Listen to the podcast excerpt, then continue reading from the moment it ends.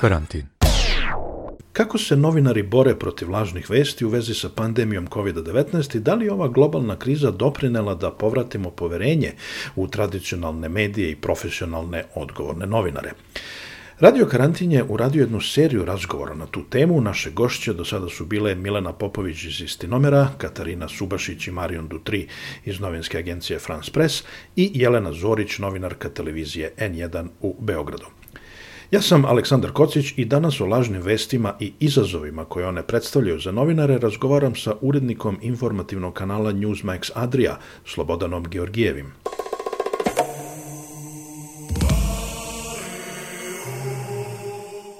Vi vodite jedan elektronski medij gde se vesti obrađuju brzo. E, u kojoj meri se vi susrećete sa e, lažnim vestima u vezi sa pandemijom? Nema objavljivanja bez provere.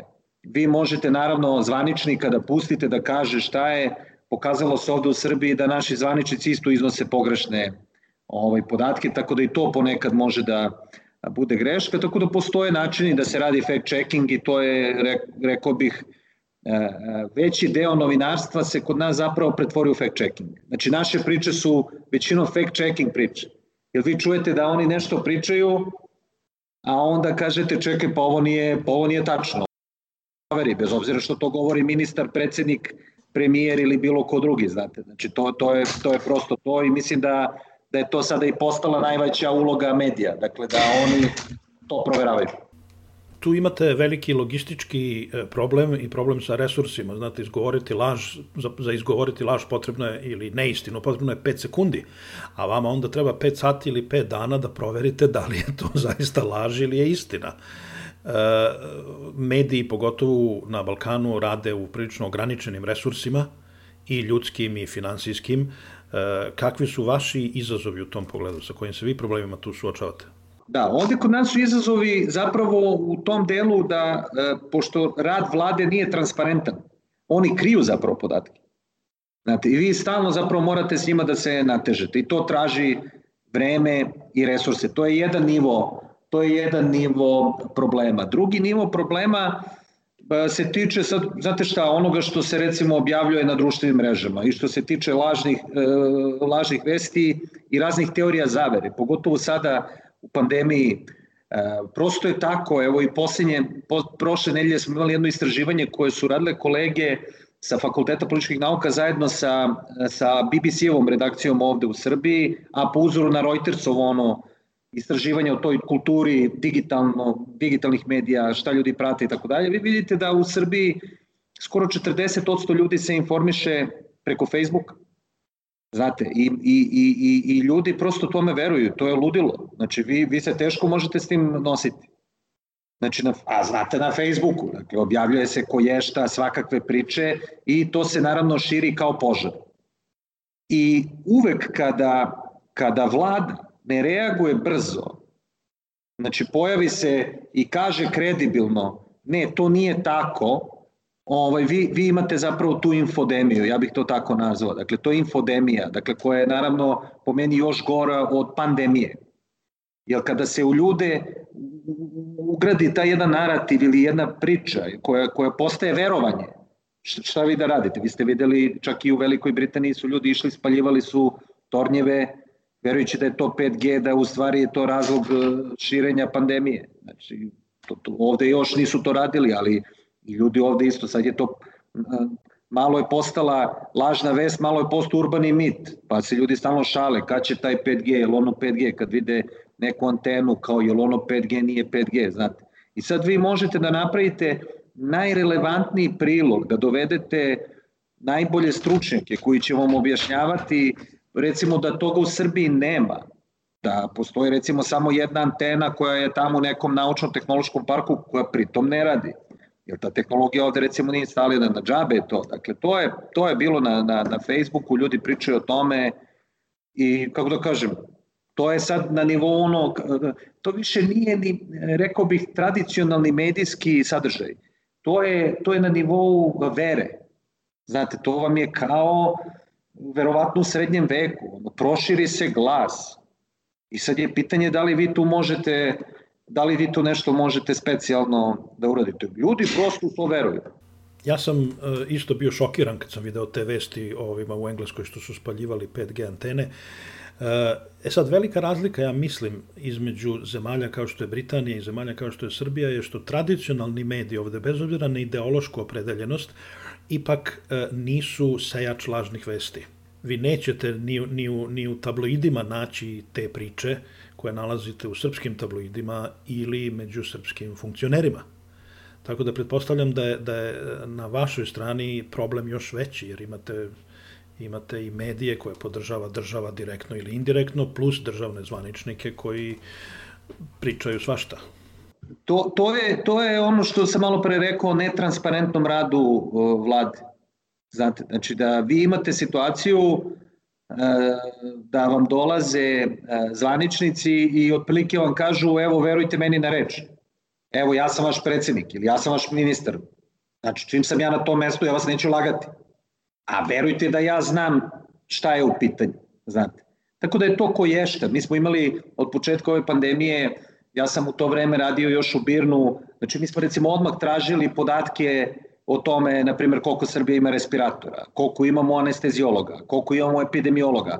I sve takve stvari, nama je vlada rekla da mi zapravo e, ne želimo da pomognemo, da se mi borimo protiv vlade u danima kada svi treba da budemo zajedno i u ostalom šta nas briga koliko ima. Valjda oni znaju koliko je toga potrebno i građani veruju, to što građani veruju pokazali su na izborima, oni su glasali za njih i to je to. I šta sad mi uopšte njih pitamo u vezi sa tim. Ali smo, na primjer, tu videli, na primjer, koliko su lagali oko tih respiratora. Pa je sam predsednik rekao da je lagao. Pa je objasnio da je lagao zbog toga da bi on uzeo tu opremu od Nemaca. Da, jer kaže da sam ja stvarno rekao koliko mi imamo, oni nam ne bi dali, ne bismo mogli da nabavimo i tako dalje. Znači, to je po meni jedno ludilo jedna vrsta totalne neodgovornosti zato što je politička garnitura procenila da za tu populističku politiku je to dobro, znate. Znači, teško ćete vi populizam izgurati na, na činjenicama, ali na, na, na, na, na tom insistiranju na veri, na poverenju, na tom kvazi ličnom odnosu koji se forsira i ne samo u Srbiji, dakle toga ima, toga ima svuda, vi zapravo pravite svoju političku agendu. A Srbija je specifična naravno i po tome što, ovome što ste pomenuli, što mislim da ljudi znaju, da vi ovde imate, dakle imate sve te televizije velike, dakle mainstream TV stanice koje su bukvalno ovaj glasnogovornici vlasti, ali bukvalno, znači tu nema, nema greške, znači to je to, šta kaže vlast, to se objavljuje, to se radi, plus dakle sve ove mainstream uh, uh, dnevne novine takođe osim lista, osim lista danas. I dakle, to je jedna užasna, rekao bih, medijska, e, medijska situacija e, sa kojom ja, pravo da vam kažem, ne znam kako možemo ovaj, da se izborimo, jer evo i mi ovde koji radimo u okviru United Medije, kako da vam kažem, kada bi ovde postojao red i zakon, kada bi recimo država raspisala konkurs za dodeljivanje nove e, nacionalne frekvencije, pošto jedna postoji slobodna, United Media bi sigurno to dobila u nekom normalnom postupku ali toga nema i vi živite na, na, znači na kablu, na kablu pokušavate da, da pravite pravi informativni program, a ovi koji imaju nacionalne frekvencije ceo dan rade samo dve stvari. Puštaju šta govori vlast i puštaju reality. I onda su vam to dva reality programa koji traju 24 sata dnevno. Srbija ima nekoliko veoma dobrih organizacija koje se sa jedne strane bavi istraživačkim novinarstvom, vi ste bili deo jedne, sa druge strane fact-checkingom. Mene zanima kakva je saradnja medija u Srbiji, bar ovih nerežimskih medija, sa tim malim nezavisnim organizacijama koje proveravaju vesti. Pa ne, zato što ja, ja sam često govorio o tome i pisao da u Srbiji postoji 100 novinara. I to je to. I tih 100 novinara je raspoređeno po tim organizacijama i na par ovih e, emisija koje se emituju na N1 i na, i na novoj, na novoj S. I to je zaista tako. Imate na lokalu je preostalo još nekoliko novinara koji se, ili redakcija koje se profesionalno bave novinarstvom i to vam je, e, to vam je cela scena. Mi se svi naravno znamo, ovaj, podržavamo, radimo zajedno, ovaj, koliko je moguće pomažemo jedni druge. I kažem jeste malo da kažem paradoks da vi u, u najgorih 8 e, godina po medije u Srbiji, imate situaciju zapravo da je, da je iznikla jedna nova generacija, jedna nova generacija novinara, što mene posebno raduje, dakle ljudi koji ovaj na drugačiji način rade novinarstvo i pre neki dan sam to isto negde mislim napisao pa sad zato od sebe citiram kao oni oni najgori tipovi ovaj dakle e, u komunizmu je bila kao bila je e, veština napisati nešto ili reći između redova kako se to pričalo ja recimo koji sam e, ušao u novinarstvo 2000-te čak i tada su mi govorili, znaš, kao to provuci ovamo onamo, znate. Zapravo, novinarstvo je suprotno toga, ovaj, znači, nema između redova, nego pišeš ono što, je, što su činjenice, ono što se zna, ono što si saznao, ono što si otkrio i daješ argumente za to što si otkrio. I mislim da ova nova generacija zapravo radi po tom principu, dakle tu nema ničega ovaj, između, između redova i da, i da to isto na neki način buni a, ovaj, i ove u tradicionalnim medijima, a, a zbunjuje, zbunjuje vlast. Zato što vlast stalno traži za koga vi radite. Jer ovakva vlast, autoritarna, kakva je u Srbiji, radikalska, znači oni ne, ne vide, znači mediji su i novinari su vam kao ono u komunizmu, oni, oni su društveno-politički radnici. Znači oni rade za određenu agendu, Oni ne mogu da budu, kakve su to priče o nezavisnim medijima, nezavisnim novinarima, nezavisnoj uređivačkoj policiji. To ne postoji. Uvek tu ima kao neka sila iza koja bi trebalo to da govori. I sada se, vi treba da se borite i da objašnjavate da nema nikakve sile, da vi radite po svom ovaj, instinktu, dakle novinarskom i to je to. Fenomen lažnih vesti e, ima svoje korene u američkoj politici pre svega, iako se uglavnom slažemo da su prvi o, proizvođači lažnih vesti došli iz Makedonije, Severne Makedonije, Onda smo imali e, referendum za e, izlazak Britanije iz Evropske unije, gde takođe su lažne veste odigrale veliku ulogu, ali uglavnom, znači, to je ta politička dimenzija. A mi sada, kada govorimo o pandemiji COVID-19, mi pričamo o zdravstvenoj dimenziji, pričamo o problemu koji direktno ugrožava e, ljudski život, Pa me zanima vaše mišljenje kakva je uloga medija, slobodnih nezavisnih medija u tom slučaju. Ja mislim da je sada odgovornost medija na neki način mnogo veća. Ovde nije samo pitanje za koga ćete glasati, nego da li će ljudi sačuvati zdravlje i život. O, ogromna je, ogromna je odgovornost, e, ali evo kao što ste vi rekli, vidite, dakle, i, i taj fenomen, dakle, fake news je nastao tamo gde su inače mediji nastali. Znači, dobri slobodni mediji su nastali u Britaniji, i, i u Americi. Dakle, to su zemlje koje su, da kažem, poslužile celom svetu kao uzor kada su mediji, e, medijska etika, medijske norme u pitanju. Pa kada imate već to, onda se pojave naravno i neprijatelji. Dakle, ja bih rekao da je to e, jedan fenomen e, opšte relativizacije čemu smo prisustvovali mi ovde, a, a, a prisustvovali su pogotovo ljudi u Britaniji tokom ove Brexit ovaj, kampanje, gde se ispostavilo zapravo da se u, u taj glavni e, medijski e, da kažem, tok e, su zapravo uvedena pravila sa društvenih mreža. Šta su donale društvene mreže? Pa svako može da ima stav, svako može da priča o čemu god hoće i, kako da kažem, ako to puno ljudi lajkuje, prenosi, to postaje relevantno. Dakle, nije uopšte više relevantno ko ste vi koji govorite, nego da li je taj sadržaj puno ljudi, da li je puno ljudi na njega kliknulo ili puno ljudi ga je šerovalo. Znači, to, to, u to se, znači, taj princip društvenih mreža se preselio, preselio se u, u, u, u mainstream mediji. Kada se to dogodilo, vi više niste mogli da imate normalnu debatu. Zato što bi vam svako rekao, pa zašto bi ja njemu verovao? Pa pa on je, on je, na primjer, znate, on je virusolog, on se bavi virusima, on je pozvan da govori o virusu. E, jeste, onda zna, on bi to rešio. Jel, kako da kažem, neke komplikovane stvari, kao što je pandemija, vi ne možete da objasnite u dva tvita ili u, ili u jednom postu na, na, na, na, na, na Facebooku. Znači, to su vrlo dakle, komplikovane stvari kojima se bave naučnici. I u nekom prošlom vremenu Mi ne bismo imali to, dakle, mi, mi bismo imali stanovnike koji čekaju zaista da im ti ljudi koji su relevantni, koje na kraju dana svi plaćamo, da, da, da se time bave na institutima, na fakultetima, u laboratorije, da oni zapravo preuzmu stvar i da rešavaju taj problem. Da se to ispostavlja da, da nije tako. Onda ti ljudi budu uvučeni u javni prostor. Zašto recimo oni nisu spremni? Mnogi od njih ne znaju kako, kako da se ponašaju u javnosti. Nisu obučeni da govore za medije. Nisu se time nikada, nikada bavili. Sad se očekuje od njih da budu televizijske zvezde. I mnogi su se tu uprskali. Recimo kod nas, pogotovo u Srbiji, to je postao, da kažem, prosto jedan manir. Vi imate četvoro, petoro ljudi koji svakoga dana non stop nešto govore. Znate, i vi da ste, da ste najveći Einstein na svetu, počeli biste posle nekog vremena da lupate.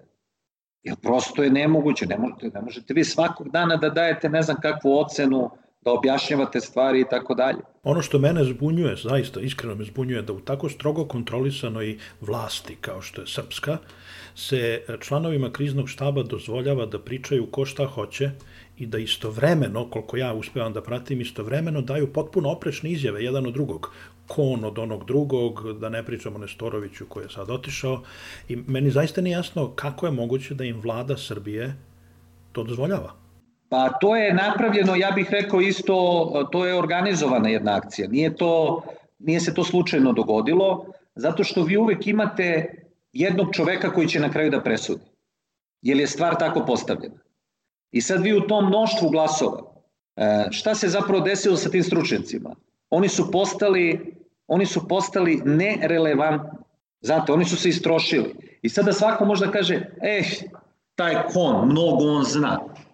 Jednu stvar je priča u martu, drugu je priča u maju, treću u julu, petu priča danas. Ajte, molim vas. Ko će da nam kaže? Pa reće nam ovaj čovjek koga smo izabrali.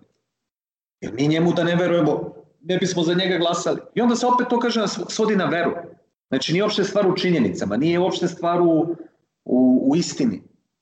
Da li verujete ili ne verujete? Da li vi meni verujete kad vam govorim ili mi ne verujete? Ako mi verujete, sve u redu. Ako mi ne verujete, ja mogu da se obesim ovde objašnjavajući vam uzalud. Ne vredi ništa, druže. Mi u Britaniji e, sad imamo situaciju da je sve očiglednije koliko se e, članovi takozvanog kriznog štaba, odnosno ovog savetodavnog tela britanske vlade, sve više distanciraju od političkih odluka koje donosi vlada. To smo videli i u Americi, pre svega sa Faucijem i njegovim odnosom sa Trumpom i čini mi se da se donekle vidi i u Srbiji sada pre svega u izjavama doktora Kona oko toga zašto se ne sprovode strožije mere u suzbijanju pandemije. Kako se vama čini, da li, da li tu neki šavovi pucaju ili ne? Sećate se u julu kada je krenuo, ako ste pratili, krenuo je taj drugi talas ili drugi pik prvog talasa, znate, ono različite su bile formulacije.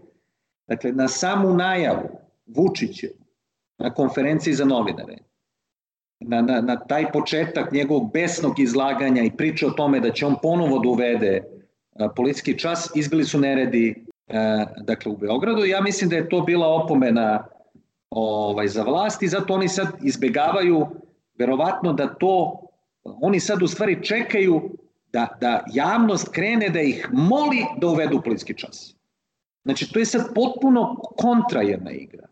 Znači, vi opet imate igranje, znači oni ne preuzimaju odgovornost. Oni će sad reći, ja nikada ne bih uveo policijski čas. Ali, pogledajte, evo zvao je ovaj iz Engleske, zvao je ovaj iz... Pogledajte se, te šta? Znači, evo, ako mene pitate, ja nikad ne bih uveo policijski čas. Nama je potrebno da naša ekonomija radi, da ljudi rade, da plaćaju porez, da se vrti lova, ali to je to. Ja recimo mislim da će se to ovde desiti ako se ako brojevi ako brojevi nastave da rastu. Znači bukvalno doći do toga da se organizuju protesti ljudi koji traže da ih da ih zatvorite, razumete?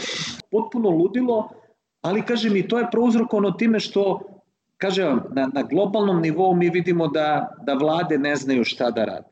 Znate. Pa sad ako tamo Engleska nema pojma šta da radi, Amerika nema pojma, Angela Merkel se izgubila, Pa šta vi očekujete od jedne Srbije ili neke Hrvatske ili Makedonije? Pa nemojte, molim vas. Eto. Mi nemamo proteste gde se traže strožije mere, ali imamo ankete koje pokazuju da dve trećine, ako ne i tri četvrtine stanovnika misli da aktuelne mere nisu dovoljne. Jer, jer, jer ovo vam je sad istraumirana nacija. Sa tolikim brojem zaraženih i smrtnih slučajeva, ovaj, ljudi su istraumirani. I imate naravno one koji su uvek glasni i koji su protiv, ali oni su manjina. I sad ste vi pomenuli jednu stvar e, koja je vrlo važna, dakle to je to pitanje traume. Dakle, ako vi ljude izložite svakoga dana, 8 meseci, toj vrsti stresa, ako vi njima svakoga dana govorite danas e, je umrlo toliko, bolelo toliko, ovo ono, pa verujte, znači, ne da ćemo da poludimo, nego je to užas. Recimo, mi u našem programu to uopšte ne radimo.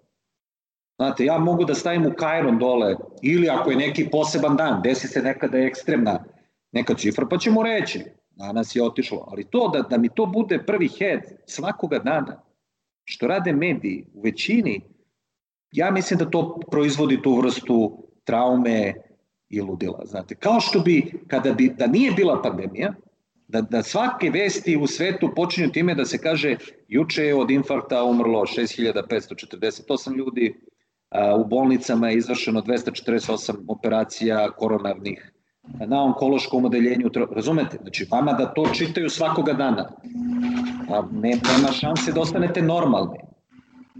Svatate, znači, vi ćete samo razmišljati o tome da li sam bolestan, šta mi se dešava i tako dalje. Znate, a kada, ako ste vi non stop time zatrpavani, zatrpavani, zatrpavani, ja ne, ja ne znam kako, kako možete bilo šta drugo da radite, čime da se bavite onda zaista je jedina, jedina vest i jedina opcija tvoja životna ostaje kako da preživi. Sve drugo postaje nebitno. A to nije normalno. I ponekad i mediji i druge javnosti, znate, recimo kada nam govore o tome nova normalnost, nema nove normalnosti. Znači, mi smo sad u nekom privremenom stanju, tako? Ne možemo mi privremeno stanje zvati nova normalnost. Ja kako da vam kažem, nemoguće je prihvatiti da ćemo mi sada non stop biti bolesni kao planeta. Znate, to, to je vrot, ja, ja u to ne verujem, ja u to ne mogu da, ja to čak ne mogu da prihvatim. Znate, mi možemo da kažemo, mi se sad nalazimo u periodu kada se dešava to i to pandemija, ljudi su, kako da kažem, ipak imaju neko znanje, uče vremen. Znate, na početku pandemije mislilo se, ako pipneš nešto dobit ćeš, dobit ćeš e, e, virus, ako pipneš masku, isto, baci je odmah tog trena, jer si je, za, sad smo došli do toga, stavi masku, znači stavi masku, nosi masku, ok, nemoj da ližeš gelender, ali ono, nije to baš sad da on ide okolo i skače na tebe. Znači, stvari se menjaju, tamo postoje naučnici koji prave neku vakcinu. S druge strane, ako pogledate one ranije slučajeve tih pandemija, tih COVID virusa, pojavili su se pa su nestali. Znači, ja sad ne znam, ja nisam ekspert, ali, kako da kažem, možda se i to desi. Možda u martu samo kažu, pa dobro, nema više ovog virusa.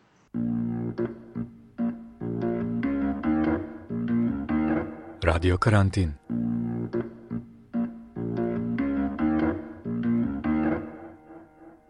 Kažete vi meni, Slobodane, kao urednik jednog TV kanala, jednog TV programa, znači tradicionalnog medija. Imali smo e, priče o 5G, o Billu Gatesu i čipovima, e, imali smo priče o tome da je virus napravljen u laboratoriji, zašto niko nema dokaz. E, sad se vodi velika polemika oko maski, da li nam trebaju, da li nam ne trebaju. Biće tek haos kad stigne vakcina, pa kad krenu tu razne teorije. E, uglavnom zato što društvene mreže e, su jedan e, fantastičan megafon protiv kojeg je teško se boriti. Da li ste vi optimista ili pesimista? Da li tradicionalni mediji gube bitku sa društvenim mrežama ili ne? Tradicionalni mediji i uopšte novinarstvo gubi bitku onda kada se odrekne svojih moći. A osnovna moć medija je da zapravo i određuje šta je tema debate. Dakle, mi smo ti koji kažemo ovo je važno, ovo je vest. Znači, nismo mi kanal za prenošenje informacije. Ne. Znači, malo je pozicija bolja. E sad, ako vi zavisite od društvenih mreža, ako novinari misle da će samo na društvenim mrežama pronaći sadržaj kojim će puniti svoje tradicionalne medije, onda je stvar, onda je stvar gotova. Dakle, mediji i novinari moraju to da probaju. Znači, oni moraju da prave sadržaje. Oni, koji je, kako da vam kažem, e, ja to kažem ovako, znate, kada imate tumor, vi idete kod najboljeg hirurga. Znači, vi ne odete kod, e, u mesaru, jer i taj mesar vrlo dobro zna da seče i on bi mogao da vas poseče, možda to da izvadi i tako. Ne, ne idete. Nego kažete ko je najbolji hirurg? Ja bih hteo kod najboljih hirurga da odem da me, da, da me sredi. E, to je to. To moraju mediji da objasne publici. Ista je situacija. Ne može svako da bude novinar. Ne može sve da bude mediji. Nije sve vest. Vest je ono što mi objavimo. Mediji moraju prosto da se bore za svoje mesto. Znači oni moraju, e, e, stvari u tome što su se mediji u nekom ranijem periodu, znači do, do, do tog perioda pre interneta, dakle oni su se nekako otromboljili, dakle oni su se opustili. Znači, e, mesto je bilo zagarantovano. Tad nije zagarantovano. Znači, moraš da se boriš za svoje mesto. Moraš da se boriš za svoju publiku. Moraš da dođeš do svoje publike da joj kažeš, ej, ja sam taj koji se bavi, to je moj posao. Znači, to je moj posao, ne ovi što ti pišu okolo, svaki koji laje. To je uvek bilo, ljudi sede po kafanama, pričaju i, Znači sad su chat roomovi, nekadašnje kafane, barovi i tako dalje. Sede, del, pričaju ko ješta. Ali vest je ono što prave mediji. Znači ne ono što, ne oni koji šire glasine, nego on. I tu je, znači, fact checking, provera činjenica, provera podataka, upoređivanje podataka, navođenje izvora, relevantnih izvora, kredibilnih izvora, to je to. I to mediji znaju, oni to moraju da primene i bit će sve u redu. I kažete mi na kraju, počeli smo razgovor sa pričom o Trumpu kojeg su isekli uh, američki kanali, pojedini. Uh, da li biste vi uh, isekli Vučića u uživo prenošenoj preskonferenciji? Pa znate šta, ja prvo nikad Vučića ne bi pustio u tu njegovu preskonferenciju, osim ako to nije proglašenje mira, objava rata, ili kako da vam kažem, da znamo da je nešto kapitalno, ali recimo mi imamo ovde iskustvo da on drži konferencije za medije kad god oseti potrebu za tim. Znači kad god e, misli da bi sad on trebalo, recimo kao što je sad posljednji put imao pre neki dan kada mu je propao taj pokušaj da se pojavi na toj sahrani u Podgorici da govori, onda je sutradan i, a bio je, a rečeno je recimo da e, se nije, a, a, nije mu dozvoljeno da govori zato što su popovi e, mu rekli da on izdao Kosovo, onda je on došao naredni dan i sad tipo pričao o tome kako nije izdao Kosovo. Dakle, to je koješta, to su predstave i ja mislim da te stvari uopšte ne zavređuju ovaj medijski prostor. Tako da nema šta tu da se prekine, kažem vam, po meni te stvari nisu, nisu nikad nisu nikad za live e, e prenošenje, znate. Da li su američki mediji napravili presedan time što su e, isekli predsednika? Pa dobro, presedan jeste napravljen. Jer, kažem, mnogi ljudi u programima lažu. E, ja mislim da tamo, e, da je Trump uradio jednu stvar koja je u isto vreme i dobra i loša. E, dakle, loša je zato što je on antagonizovao dakle, medijski prostor. Dakle, on je taj lik koji to kaže. To je on preselio iz realitija. Ili si mhm. za, ili si protiv. Ovaj ostaje, ovaj ispada Znači, svet ne funkcioniše tako. Znači, ali on je uspeo to da, da uradi.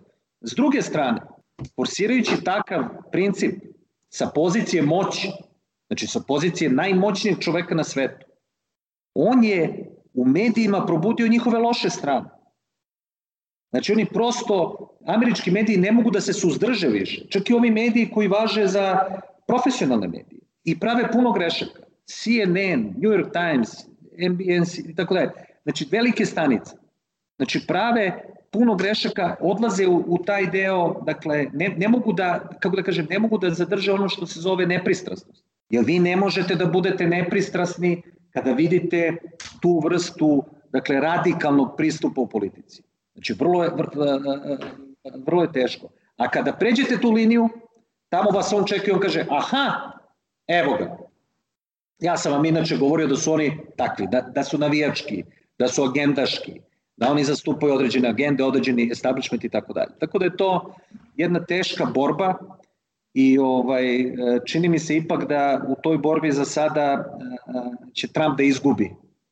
Ali možda je to samo taktički ovaj eh, poraz. Dakle, eh, te četiri godine sa Trumpom u kabinetu i u celom svetu, kažem, pokazale su nešto, ojačale su neke druge narative širom sveta, ali sad ostaje da se vidi da li mediji, jer mi smo iz medija i govorimo o medijima, imaju snage ono što kažu ponekad ljudi da se vrate sebi, da se sete šta su, ko su, koje je njihovo mesto, koja je njihova uloga i da probaju za to da se, e, da se izbore. A, a, a neprijatelji im nisu toliko čak, ja mislim, pogotovo u Americi i čak i u svetu političari.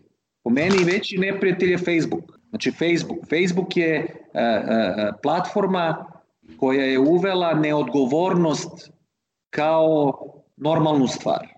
Znači vi pustite da neko piše neke komentare, vi ne preuzimate odgovornost e, za te komentare, ali kažete, znači što, pa ko bi mogao to da prati, da kontroliše? Pa dobro je, isključite dugme komentar, nema komentara, pa da vidimo kako, ćete, kako će onda ta mreža da funkcioniše.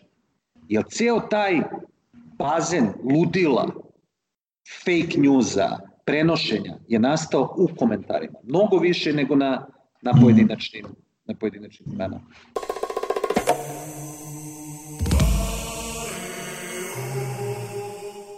Bio je to Slobodan Georgijev, urednik informativnog kanala Newsmax Adria. I kad ste već ovde, mi bi da vas zamolimo za pomoć. Pomozite nas novčano. Svaka vaša donacija puno nam znači. Da pokrijemo troškove nabavke, neophodne tehnike, postavljanja podcasta, održavanja sajta i promocije. I najmanja vaša pomoć znači nam mnogo. Možete da nam pomognete jednom ili na redovnoj, nedeljnoj ili mesečnoj osnovi. Možete da nam date 1 evro, dolar, funtu ili šta vam zgodno, a može i 100. Jednostavno je i ne oduzima puno vremena. Imate sve informacije na našem web sajtu radiokarantin.eu. Hvala.